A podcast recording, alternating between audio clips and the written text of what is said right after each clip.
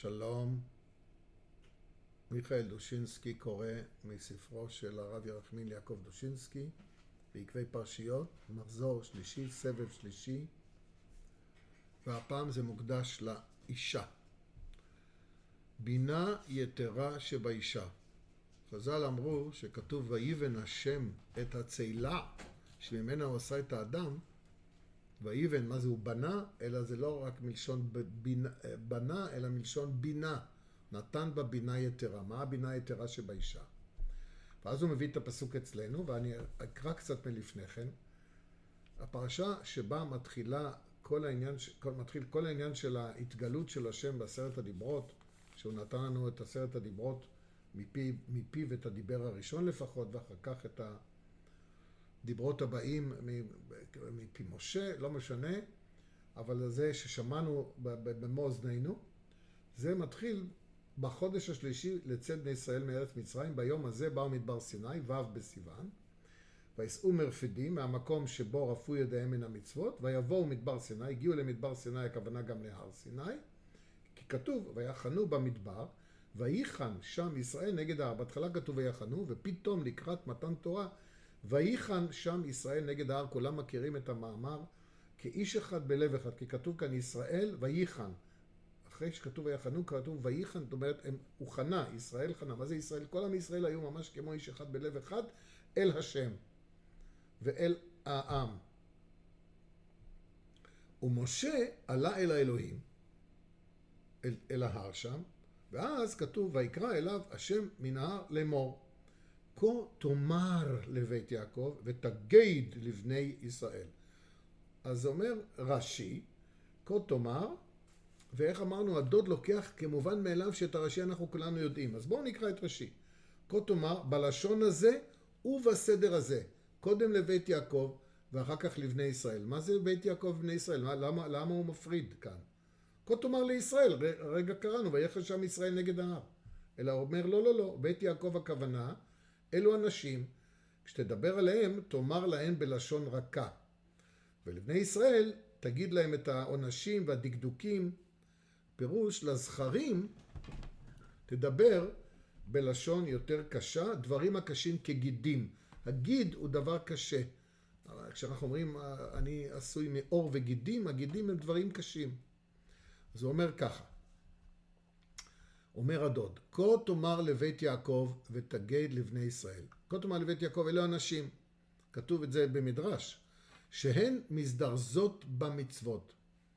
אמר רב תחליפה מכסרין, אמר הקדוש ברוך הוא, כשבראתי את העולם, לא ציוויתי אלא לאדם, לאדם הראשון תחילה, ואחר כך נצטוות חווה.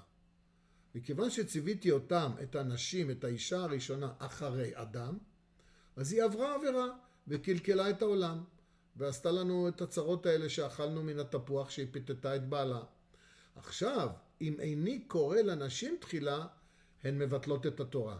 לכך נאמר, כה תאמר לבית יעקב. אז עכשיו זה מאוד יפה מה שהוא הולך להגיד לנו כאן. כוחה של האישה בדרך כלל, הוא לא אומר תמיד, יש היום נשים לוחמות והן גיבורות נהדרות והכול, ובכל התפקידים אנחנו לא נגד פמיניזם. כוחה של האישה בדרך כלל פסיבי, סביל, היא המקבלת. רק במקרים מעטים נחלצו נשים לפעולה, שעה שגברים לא פעלו בכלל. כוחן של הנשים בשב ואל תעשה. איך אנחנו יודעים? זה כוח עצום, כי כאשר באו מיד אחרי, אחרי מתן תורה חטא העגל, והתפרקו כל העם את נזמי הזהב אשר באוזניהם, הם הורידו לבד. אבל אחר כך כתוב, האנשים פרקו את נכשי, את תכשיטי הנשים, כי הנשים לא נתנו ידן לעבודה זרה. מה הציל אותם? שמרנותן. מה פירוש? ממה הן שמרניות כל כך? שמרנותן הצילה אותן מלתת יד לחטא עשיית העגל. עכשיו הוא אומר ככה, כאשר דיברה חווה אל הנחש, עכשיו נסביר מה שאומר המדרש שם, למה הוא היה צריך לדבר קודם אל הנשים ולא אל הגברים, כי אצל אדם הוא קודם ציווה את אדם ואחר כך את חווה.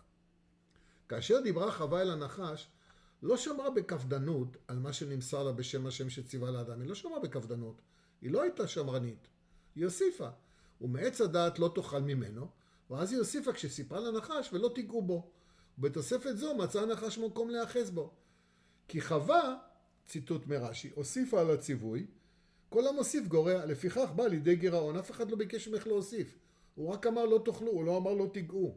אז בא הנחש, כמו שכתוב במדרש, דחף אותה לשם, היא נגעה, לא קרה כלום, אז הוא אמר, גם אם תאכלי לא יקרה לך כלום. אבל מאז שזה קרה להם החטא הזה, הפך משהו בטבע של אנשים, נזהרות הנשים ומתנהגות בשמרנות מטבען. לפיכך אמר הקדוש ברוך הוא, חייבות הנשים לדעת את הדברים מפי משה עוד לפני הגברים.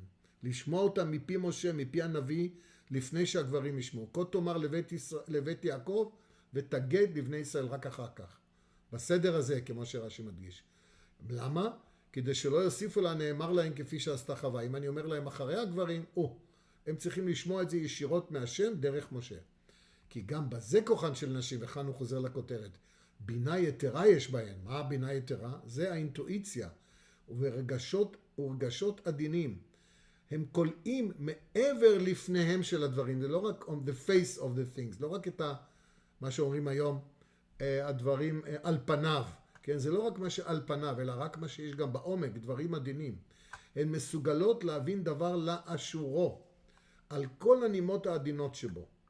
איך? אם תקבלנה זאת מפי הנביא, מפי השם. שנצליח כולנו, גם נשים וגם גברים, להיות נאמנים לדברים של הנביא ושל השם עד מאה ועשרים ועד ביאת משיח צדקנו במהרה בימינו אמן.